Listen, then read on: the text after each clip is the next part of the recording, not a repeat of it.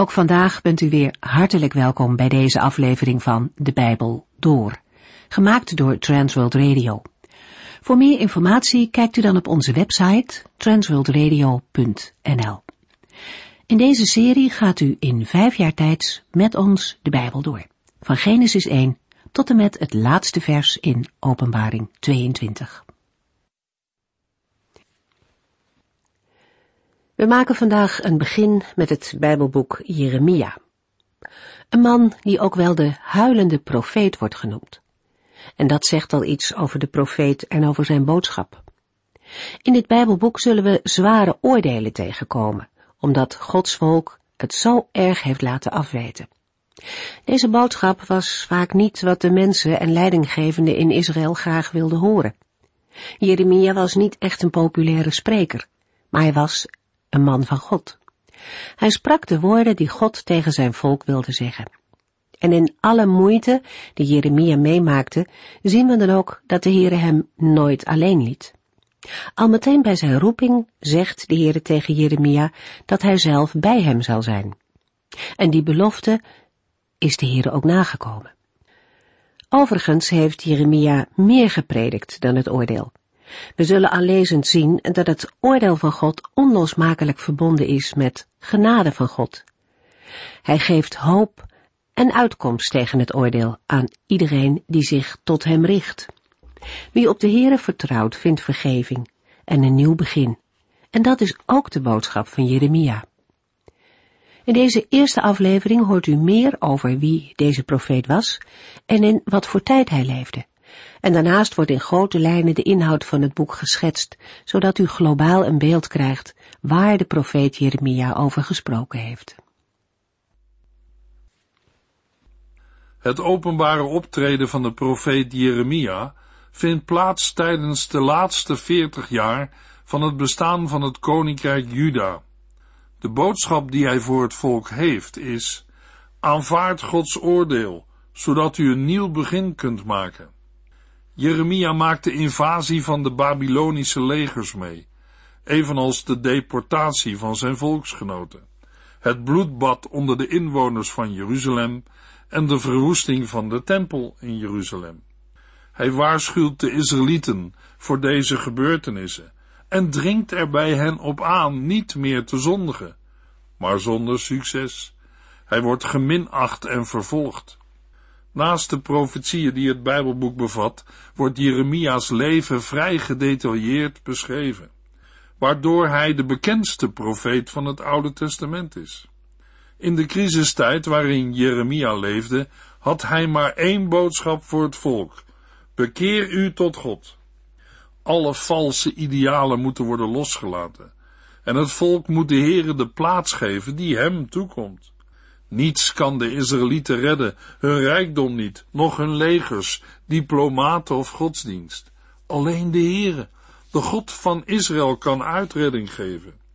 De verwoesting van Jeruzalem is een waarschuwing voor heel Israël, maar ook voor andere volken. Een volk dat de Heere de rug toekeert, krijgt onvermijdelijk met rampzalige gevolgen te maken. Naast de waarschuwingen en oproep tot bekering heeft de profeet Jeremia ook een boodschap van hoop mogen doorgeven. Hoewel Juda van de Heer is afgeweken, heeft God Juda niet in de steek gelaten. Terwille van hen zal hij eenmaal opnieuw zijn macht laten zien. Jeremia leefde in de tijd van de laatste koningen van Juda en maakte de verwoesting van Jeruzalem en het begin van de Babylonische ballingschap mee. Het was een periode van ernstige geloofsafval en grote politieke crisis. Jeremia leefde bijna gelijktijdig met de profeet Ezekiel. In deze introductie op het Bijbelboek Jeremia geef ik een indruk van het leven van de profeet en van de tijd waarin hij leefde. Aan de hand van de politieke context komt het leven en de boodschap van de profeet aan de orde. Jeremia is een profeet waarvan de profetieën grotendeels autobiografisch zijn.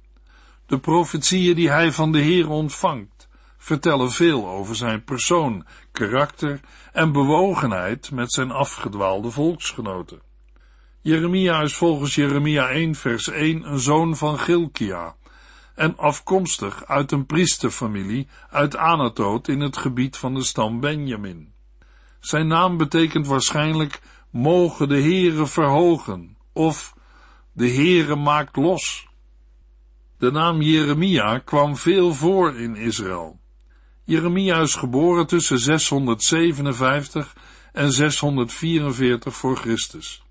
De regeringsperiode van de goddeloze koning Manasse. Zijn geboorteplaats, Anatoot, is een priesterstad ten noordoosten van Jeruzalem. Waarschijnlijk heeft Jeremia er na zijn roeping als profeet ook een tijdje gewoond. Wellicht was Gilkia een afstammeling van het priestergeslacht van Abjatar, want Salomo heeft de hoge priester Abjatar uit zijn ambt gezet en naar Anatoot verbannen. In Anatoot beschikte de hoge priester over een landgoed en daar wordt mogelijk naar verwezen in Jeremia 32 vers 9. Als deze veronderstelling juist is, kan de vader van Jeremia niet de gelijknamige hoge priester Gilkia zijn, die het wetboek vond in de tijd van koning Josia, omdat het hoge priesterschap op een andere familie was overgegaan. Uit de vermelding dat Gilkia tot de priesters behoorde, krijgen we de indruk dat hij ook priesterdiensten verrichtte als het zijn beurt was. Gilkia was blij met de geboorte van zijn zoon Jeremia. De profeet heeft een goede en godsdienstige opvoeding meegekregen. Dit komt tot uiting in zijn kennis van de geschiedenis van Israël en van eerdere profeten. Als gelovige zoon van een priester zal de vrome schijn waarmee velen voor de Heer in de tempel verschenen, veel verontwaardiging bij hem hebben opgewekt. Veel van zijn volksgenoten brachten offers aan de Heere, zonder zich werkelijk aan zijn woord te onderwerpen. Jeremia had eerbied voor het huis van God, de tempel in Jeruzalem. In de Hebreeuwse tekst van Jeremia 17 vers 12 omschrijft Jeremia de tempel als de troon van God. Eerbied voor de wet van God komt naar voren in de vermelding dat het een gruwel is dat vele Gods wet niet serieus nemen. De Heere gaf zijn wet aan Israël en deze geldt als een weg ten leven. Sporen van een opvoeding als zoon van een priester zien we ook in de liturgische stijl die vele van Jeremia's uitspraken kenmerken en vaak aan psalmen doen denken. Van de jeugd van Jeremia weten we verder weinig. Uit het Bijbelboek Jeremia krijgen we de indruk dat hij een wat in zichzelf gekeerde bescheiden persoon was, die niet uit was op het ambt van profeet, waartoe de Heere hem al voor zijn geboorte had bestemd. Toen Jeremia door de Heere tot profeet geroepen werd, gaf hij al aan dat hij niet bekwaam was om te spreken, omdat hij nog veel te jong was. Maar voor de Heere was dat geen reden om hem niet als profeet aan te stellen. De Heere beloofde Jeremia dat hij zelf hem de woorden in de mond zou leggen en hem in staat zou stellen stand te houden.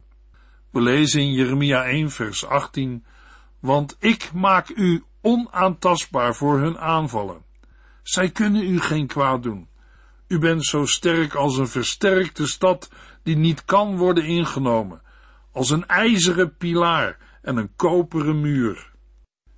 Jeremia heeft geprofiteerd vanaf het dertiende jaar van koning Josia en daarna onder zijn opvolgers Joachas, Joachim en Joachim tot aan het elfde jaar van de laatste koning Sedekia, toen het koninkrijk Juda ten onder ging. Lang niet alle profetieën in het Bijbelboek Jeremia zijn gedateerd. Maar uit de tijdsaanduidingen valt op te maken dat Jeremia veel gesproken heeft in de tijd van de koningen Joachim en Sedekia. Door veel uitleggers wordt aangenomen dat Jeremia ook het Bijbelboek Klaagliederen heeft geschreven, nadat Jeruzalem veroverd en verwoest was in 587 voor Christus. Zoals zal blijken bij de bespreking van het Bijbelboek, hebben de politieke gebeurtenissen in Egypte, Babel, de wegvoering van Joachim en de val van Jeruzalem grote invloed gehad op de boodschap van Jeremia. Uit Jeremia 16 vers 2 blijkt dat Jeremia niet mocht trouwen.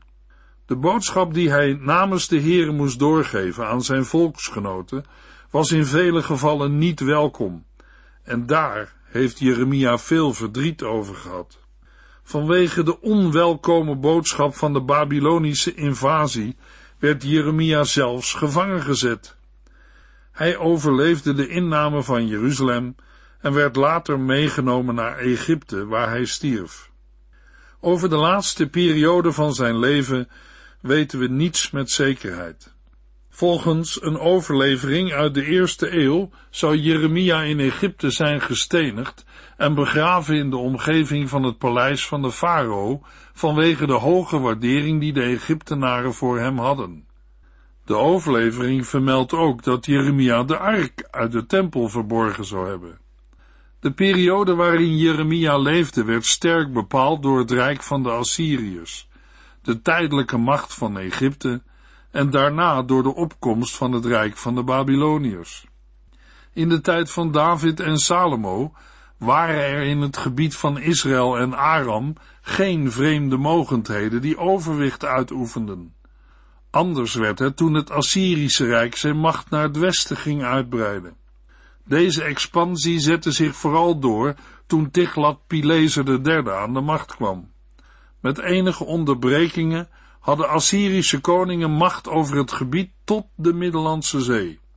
Onder koning Sanherib werd de Judese koning Manasse een vazal van Assyrië. Esarhaddon breidde het rijk verder uit en op den duur omvatte dat ook Egypte. Vermoedelijk is Manasse later in opstand gekomen en werd hij daarom als gevangene naar Babel gebracht, waar hij moest verschijnen voor koning Assurbanipal. Manasse mocht daarna terugkeren en kwam als vazal van Babel weer op zijn troon. Hij liet vervolgens rond een deel van Jeruzalem nieuwe muren bouwen. Ook reorganiseerde hij de legerleiding van de garnizoenen in de versterkte steden van Juda.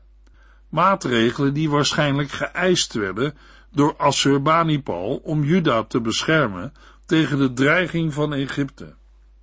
Na 640 voor Christus verminderde de Assyrische invloed, zodat Egypte en Juda zich meer konden ontplooien.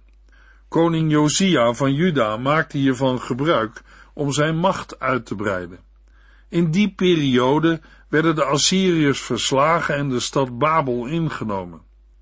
In Babel liet de Galdeese koning Nabopolassar zich uitroepen tot koning van Babel. Daarmee begon het Nieuw-Babylonische Rijk. Koning Nabopolassar sloot vrede met Elam en in 616 voor Christus rukte hij met zijn leger op naar het noorden. De Meden veroverden de hoofdstad Assur in 614 voor Christus. Twee jaar later werd Nineveh, de tweede hoofdstad van het Assyrische Rijk, ingenomen door de Meden, Babyloniërs en Perzen. Omdat toen het gevaar dreigde dat heel Mesopotamië in handen zou komen van één machtig Babylonisch koninkrijk, besloten de Egyptenaren de Assyriërs te gaan steunen. Farao Nego II trok in 609 voor Christus naar Karkemis om de Assyriërs bij te staan. Maar koning Josia besloot het Egyptische leger aan te vallen. Daarom vielen de Egyptenaren het leger van Juda aan bij Megiddo. En in die strijd sneuvelde koning Josia. In het dertiende regeringsjaar van Josia begon Jeremia te profeteren. Na de strijd met Josia trok farao Nego verder naar Karkemis om het restant van de Assyriërs bij te staan. Maar de Egyptenaren slaagden er niet in Babel te verslaan. Vanaf dat moment beheersten de Babyloniërs Mesopotamië, terwijl Juda onder Egyptische controle kwam.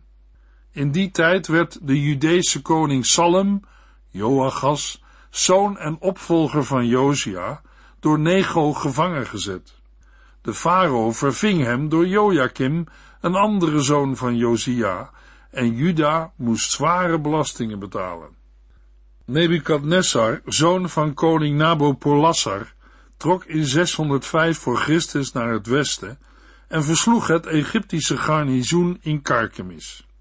De Egyptenaren vluchten, maar werden bij Hamat opnieuw verslagen door de Babyloniërs. Hierdoor lag voor de Babyloniërs de weg open naar Aram, als ook naar Israël en Juda. Joachim onderwierp zich in die tijd aan Nebukadnessar, maar deze koning voerde Daniel en andere hovelingen mee naar Babel. In hetzelfde jaar stierf Nabopolassar en volgde zijn zoon Nebukadnessar hem op. Een jaar later ontving koning Nebukadnessar tribuut van de koningen van Aram, Israël en Juda, waarbij ook koning Joachim geweest zal zijn. De Babyloniërs vochten in 601 voor Christus opnieuw tegen de Egyptenaren. Drie jaar later trok Nebukadnessar naar Juda, nam daar koning Joachim gevangen en benoemde Sedekia tot zijn opvolger. Elf jaar later volgde de verwoesting van Jeruzalem, waarbij vele inwoners van Jeruzalem en Juda in ballingschap werden weggevoerd. Kort daarvoor trokken de Babyloniërs zich nog even terug van Jeruzalem in verband met de Egyptenaren. Maar daarna kwam toch de ondergang van de hoofdstad van Juda. Gedalja volgde koning Sedekia op als stadhouder. Het slot van de beschrijving van de internationale context in de tijd van Jeremia is de Perzische overwinning van koning Cyrus. Hij neemt in 539 voor Christus de stad Babel in. Kort daarna volgde het edik dat de Joden toestemming gaf terug te keren naar Jeruzalem. De periode van 70 jaar ballingschap komt dan ten einde. Ook worden dan de geroofde kostbaarheden uit de tempel van Jeruzalem weer teruggebracht. We sluiten de introductie af met een overzicht van de indeling van het Bijbelboek Jeremia. Met betrekking tot de indeling van het Bijbelboek Jeremia zijn er verschillende benaderingen. Ze hebben allemaal voor- en nadelen. Zeker in Jeremia 26 tot en met 45 is het moeilijk een structuur te ontdekken. Mogelijk zijn er verschillende principes van ordening gehanteerd en was het niet de bedoeling om één nauwkeurige indeling te geven. Wij kiezen voor een structuur die hand in hand gaat met een nauwgezette inhoudelijke analyse. Het levert een indeling op met zeven hoofddelen en zestien kleinere delen. In deze introductie op Jeremia volsta ik met het benoemen van de zeven hoofddelen. Jeremia 1 tot en met 20 is het eerste hoofddeel. Het handelt over het oordeel over Juda. Het tweede hoofddeel wordt gevormd door Jeremia 21 tot en met 24 en handelt over de mislukkingen van de leiders van het volk.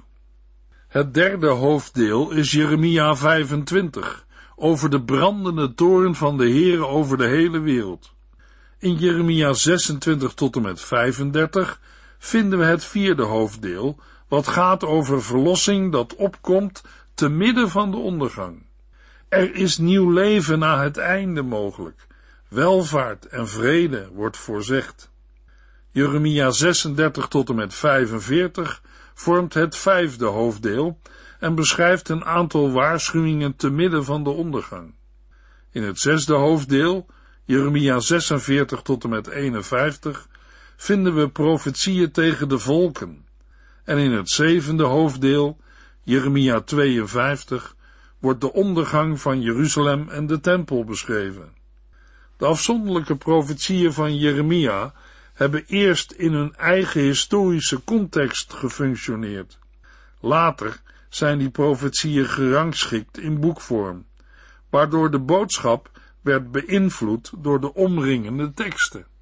Met name na de val van Jeruzalem kunnen aankondigingen van onheil en oordeel gelezen worden vanuit de vervulling die heeft plaatsgevonden. Uit de hoofdindeling in zevenen blijkt welke zaken er in het Bijbelboek Jeremia naar voren komen. Net als Mozes maakt Jeremia bezwaar tegen zijn roeping, maar de bezwaren worden weggenomen. Evenals bij Jezaja wordt ook zijn mond aangeraakt. Het roepingsvisioen van Jeremia is een inleiding tot het hele Bijbelboek, waarin de behandelde thema's worden aangeduid. De profeet wordt aangesteld over volken en koninkrijken, om weg te rukken en af te breken, maar ook om te bouwen en te planten. Al in Jeremia 1 komt de ondergang en het herstel van Juda aan de orde, maar ook het lot van andere volken. De Heere houdt de gebeurtenissen in zijn hand en een mens kan daar niets tegen inbrengen. Het Bijbelboek Jeremia bevat een grote rijkdom aan gedachten. De profeet reageert vaak op de omstandigheden in zijn tijd en spreekt daarbij over de toekomst.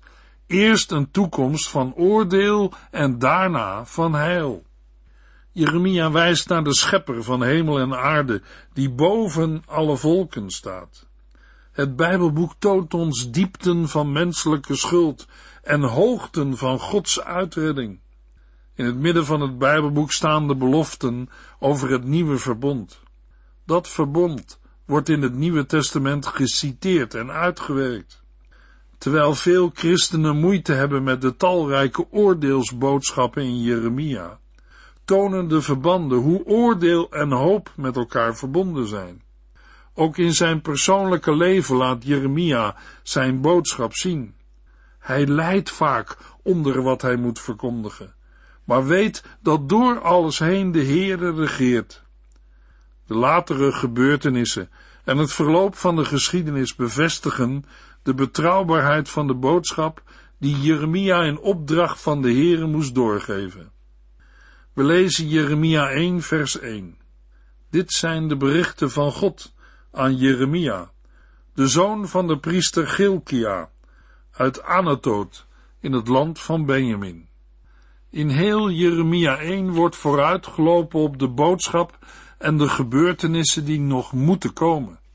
Direct wordt duidelijk gemaakt namens wie Jeremia optreedt. De profeet staat in dienst van de Heere en hij geeft Gods boodschap door aan het zuidelijke koninkrijk van Juda, dat nog niet in ballingschap is weggevoerd. De tekst in de Hebreeuwse handschriften is ingedeeld door spaties naar aanleiding van de terugkerende woorden de Heere zei tegen Jeremia of het woord van de Heere kwam tot Jeremia in de versen 4, 11 en 13. Een indeling die het dialogisch karakter van de tekst onderstreept. Telkens, voordat de Heere aan het woord komt, is er een opening in de tekst. Jeremia 1 vers 2 Deze woorden van de Heere kreeg Jeremia in het dertiende regeringsjaar van koning Josia van Juda. In vers 2 vinden we voor het eerst de aanduiding deze woorden van de Heere kreeg Jeremia. In allerlei variaties komen we deze aanduiding veel tegen om een profetische openbaring van de Heere in te leiden. De woorden van Jeremia worden zo verbonden met het woord van de Heere. In het vervolg van het hoofdstuk wordt deze verbinding verder uitgewerkt. Jeremia sprak niet zomaar woorden, maar zijn profetieën zijn de woorden van de God van Israël. Josia was acht jaar oud toen hij op de troon kwam. Hij regeerde 31 jaar. Jeremia begon zijn bediening toen Josia 22 jaar was. Kennelijk was Jeremia zelf ongeveer 20 jaar oud. Beiden waren nog niet oud en waarschijnlijk vrienden. Jeremia profeteerde tijdens de 18 jaar van de regering van koning Josia. Josia raakte dodelijk gewond tijdens de slag met het leger van koning Nego van Egypte. In 2 Kronieken 35, vers 24 tot en met 26, lezen we dat Josia tegen zijn mannen zegt, Ik ben gewond, breng mij van het slagveld. Zij tilde hem uit zijn eigen strijdwagen en legde hem in een andere wagen, die hem terugbracht naar Jeruzalem. Het mocht echter niet meer baten. In de stad aangekomen overleed hij. Hij werd daar op de koninklijke begraafplaats begraven en heel Juda en Jeruzalem rouwde om hem. De profeet Jeremia schreef speciaal een rouwlied over hem. De tempelzangers zingen nu nog steeds rouwliederen over Josia, want deze liederen werden opgenomen in de officiële bundel van klaagliederen. Alle andere daden van Josia, zijn goede verrichtingen en zijn trouw aan de wetten van de Heere, staan beschreven in het boek van de koningen van Israël en Juda. Na de dood van Josia zag Jeremia dat het volk terecht zou komen in een inktzwarte nacht, waaruit het pas zou worden verlost na de Babylonische ballingschap. Jeremia 1 vers 3 Verdere berichten kreeg hij tijdens de regering van Josia's zoon, koning Joachim van Juda, en op verscheidene andere momenten tot de vijfde maand van het elfde regeringsjaar van Josia's zoon Sedekia, eveneens koning van Juda. In die maand viel de stad Jeruzalem en werden de Joden als slaven weggevoerd. De namen van de verschillende koningen vormen geen neutrale datering, maar herinneren aan een zeer turbulente periode in de geschiedenis van het volk Israël te midden van verschillende grootmachten.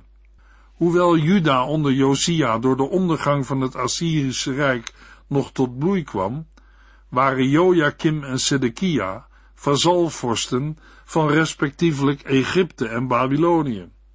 Onze blik wordt hiermee ook gericht op Juda en Jeruzalem. Belangrijk is ook dat vers 3 eindigt met tot de vijfde maand. In die maand viel de stad Jeruzalem en werden de Joden als slaven weggevoerd. Hiermee wordt in de inleiding al vooruitgelopen op de gebeurtenissen zoals beschreven in Jeremia 52. Het uitkomen van deze woorden aan het eind van het Bijbelboek vormt een legitimatie van de woorden van de profeet Jeremia als woorden van de Heere. De Heere had tegen Jeremia gezegd, ik kende u al voordat ik u vormde in uw moeders buik. Al voor uw geboorte heb ik u bestemd om mijn profeet voor de volken op aarde te zijn. In de volgende uitzending lezen we Jeremia 1, vers 4 tot en met 9. U heeft geluisterd naar De Bijbel Door, in het Nederlands vertaald en bewerkt door Transworld Radio. Een programma waarin we in vijf jaar tijd de hele Bijbel doorgaan. Als u wilt reageren op deze uitzending of u heeft vragen, dan kunt u contact met ons opnemen. Tijdens kantooruren kunt u bellen op 0342 478432. 0342 478432. Ook kunt u een e-mail sturen naar de at transworldradio.nl en natuurlijk kunt u ook via de post ons bereiken. TWR, postbus 371, postcode 3770, AJ in Barneveld. Dit programma werd gepresenteerd door Cor Weda en Ike André. Techniek was in handen van Odin van Voerkom. En wij allemaal bedanken u voor het luisteren. Graag tot de volgende keer.